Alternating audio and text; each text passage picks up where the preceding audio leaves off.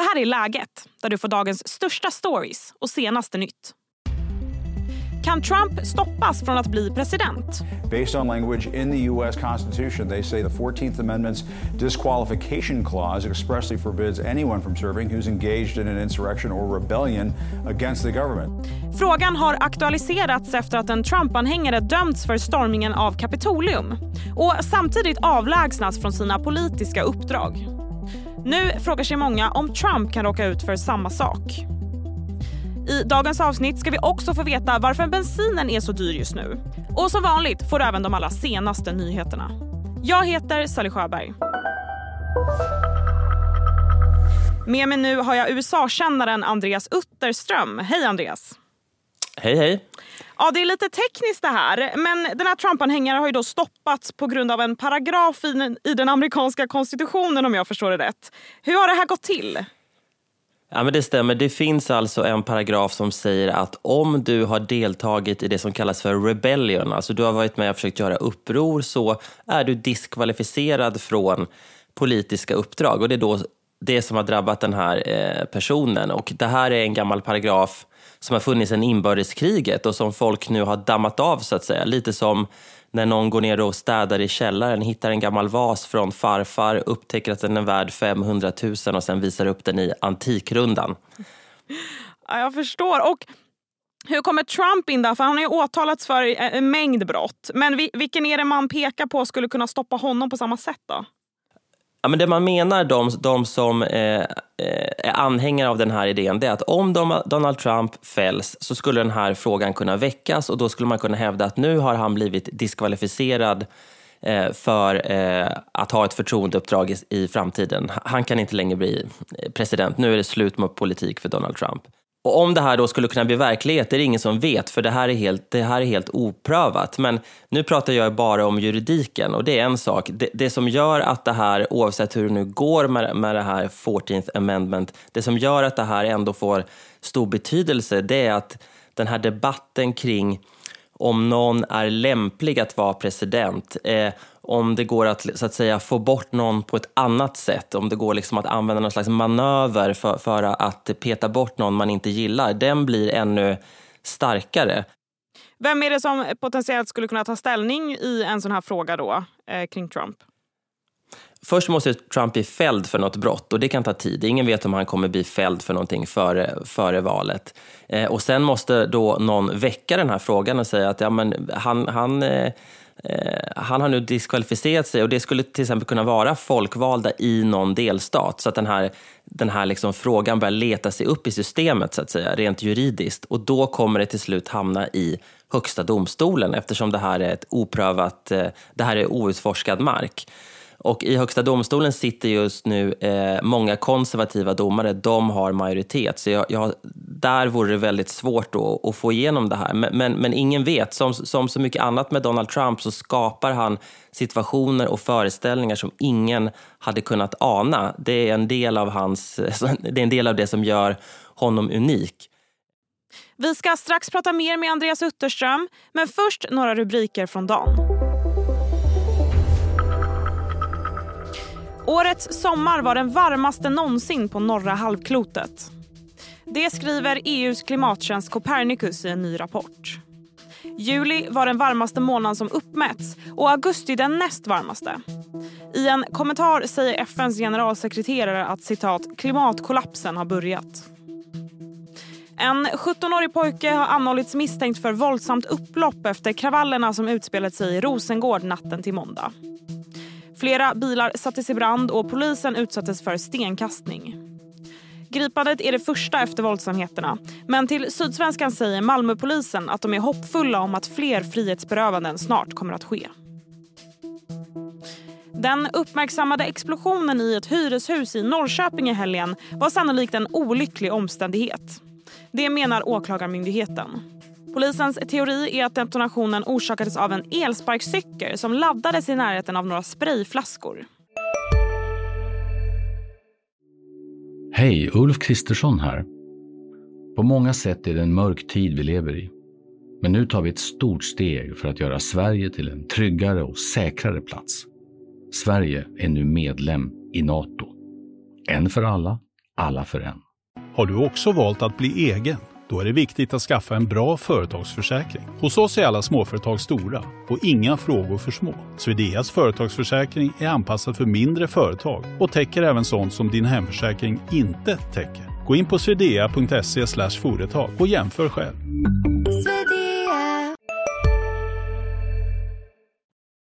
Nu tillbaka till Andreas. Hur pratar man om det här i USA? Den vanliga amerikanen tror jag eh, har svårt att greppa vad det här handlar om utan snarare tänker att ja, ja, nu är de igång igen och håller på med sitt medan de inte lägger någon som helst energi på att fundera över hur de ska göra just mitt liv bättre. Utan det här är en debatt som drivs av eh, jurister och allting började med att det var två jurister, en från högerkanten, en från vänsterkanten som skrev en slags artikel tillsammans kan man säga.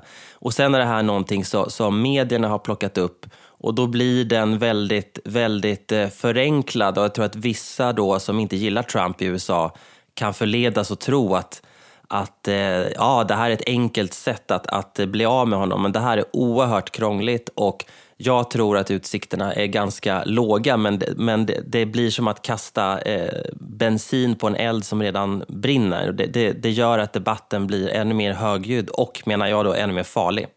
Mm. Men utöver den här diskussionen, då, vad mer snackas det om kring Trump just nu i USA? Ja, men det här är ju valrörelsen mellan Trump och Biden, för, för jag eh, är ju helt säker på att det blir de två i november nästa år. Den, den handlar ju väldigt, väldigt lite om vad de vill göra och vad de har för visioner eh, för landet, utan det handlar om, är Joe Biden för gammal? Är det lämpligt att välja någon till president som har fyra åtal hängande över sig och som eventuellt kommer att ha blivit fälld? Eh, så det handlar om väldigt mycket andra saker. Joe Bidens son, Hunter Biden och alla skandaler kring honom. Så det, det är ganska deprimerande och, och eftersom det inte handlar om sakfrågor då blir det ännu mer känslor. Eh, att eh, många amerikaner tror jag funderar över vem tycker jag minst illa om? Och jag tror det, det är det det kommer handla om nästa år, vilket är ganska deprimerande tycker jag, som, som är USA-vän, att se det här landet förgöra sig själv inifrån. Det finns jättemycket stora, svåra nötter att knäcka, men istället så, så tjafsar man om, om, om eh, Hunter Bidens dator och, och andra saker så, som inte eh, har med politik att göra. Tack så mycket Andreas. Tack. Snart ska vi få veta varför bensinen är så dyr. Men först blir det fler nyheter. Koranbrännaren Salvan Momika ställer in alla sina planerade koranbränningar. Det rapporterar Sveriges Radio Ekot. I slutet av augusti sökte Momika tillstånd för 12 allmänna sammankomster. Fram tills idag har han bara genomfört hälften. Det finns olika sätt att minska hur mycket tid man lägger på pendling varje dag. Men vad två byggnadsarbetare i Kina misstänks för ha gjort kanske inte är att föredra. De har gripits i Shangxi-provinsen efter att de grävt hål i kinesiska muren med en grävmaskin. Det här för att få kortare resväg till jobbet. Kinesiska muren finns med på Unescos världsarvslista och enligt lokala medier i Kina är skadorna oåterkalleliga.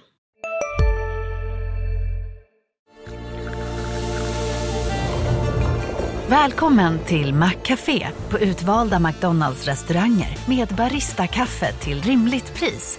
Vad sägs om en latte eller cappuccino för bara 35 kronor? Alltid gjorda av våra utbildade baristor.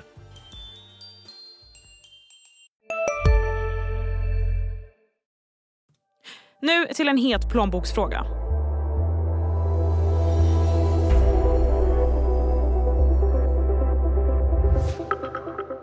Det är riktigt dyrt att tanka just nu. Efter dagens prishöjning går en liter diesel loss på 25 kronor och 46 öre. Det här är det högsta priset i år. Samtidigt höjdes bensinpriset med 10 öre till 21 kronor och 39 öre. Med mig nu har jag Jessica Alenius som är vd på Drivkraft Sverige. Hej Jessica! Hej! Ja, som jag sa, dieselpriset når årshögsta. Varför är priserna på drivmedel så höga just nu? Ja, men det beror på två skäl. Det ena är att efterfrågan på olja har ökat senaste tiden.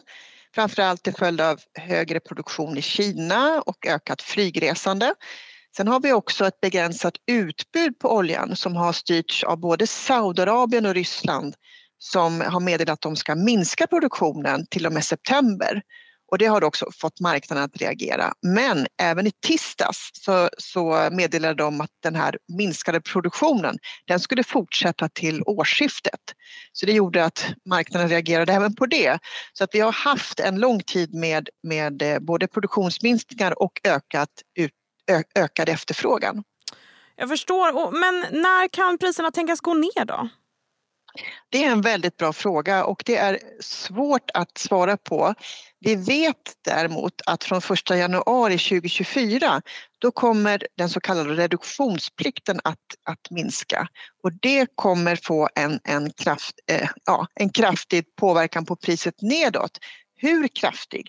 Det vet vi inte beroende på att det är just sådana här världsmarknadspriserna på, på olja men även på biodrivmedel och valutaeffekter som är svåra att påverka utifrån ett politiskt perspektiv.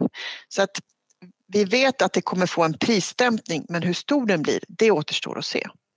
All right, så vi vet inte ännu riktigt hur mycket den kommer gå ner och när. Men vi har ju pratat om att priserna på drivmedel har varit höga under en längre tid. Ska man, ska man se de här priserna som ett nytt sorts normalläge på något sätt? Ja, det, det, det är också svårt att säga. Vi vet att priserna har varit otroligt ryckiga framförallt eh, till följd av kriget och den här ryckigheten den kommer nog att fortgå eh, så länge kriget pågår tyvärr. Eh, sen vilken nivå det hamnar på det beror väldigt mycket både på efterfrågan och utbud såklart då, liksom på marknadskrafterna på, på olja eh, men också på, på marknadskrafterna när det gäller biodrivmedel och valutaeffekter. Så att det är, det är svårt att säga här och nu hur priserna kommer att bete sig framöver. Många är beroende av bilen till jobb eller skola och sådär. Finns det något man kan göra som konsument för att få ner priserna? Till exempel tanka vid en viss tid eller något sånt där? Det är, ju, det är ju svårt och vi i vårt avlånga land är ju beroende av bilen. Väldigt många är beroende av bilen för att ta sig till sina jobb eller till sin utbildning och hämta och lämna barn vid skola och dagis och så vidare. Så att det, det är ju svårt att anpassa sitt mönster utifrån om priserna har, går ner eller upp utan, utan vi behöver tanka eller ladda vår bil. Så att det, det, det, det, det, ja, det är mm. svårt att, att, säga ett tips på hur man ska göra utan tyvärr är det så att vi har höga drivmedelspriser och, och eh, det är till följd av kriget eh, till stor del. Jag har läst dock att, att till exempel att tanka tidigt på morgonen eller på natten kan, kan hjälpa. Nej, men det beror helt på hur priserna är och kommer att vara och hur de kommer att vara. Det är ingen som vet i förväg så det är väldigt svårt att veta ja, ska jag tanka nu eller ska jag tanka senare i eftermiddag? Eh, utan, utan det är en ryckig marknad så det, det, ja, det är svårt att, att förutse när det är bäst att tanka. Jag förstår. Tack så jättemycket Jessica. Tack. Det var allt för idag. Glöm inte att följa läget i din podcastapp. Du får jättegärna skriva en kommentar om vad du tycker om podden också. Jag är tillbaka redan imorgon igen. Tack för att du har lyssnat.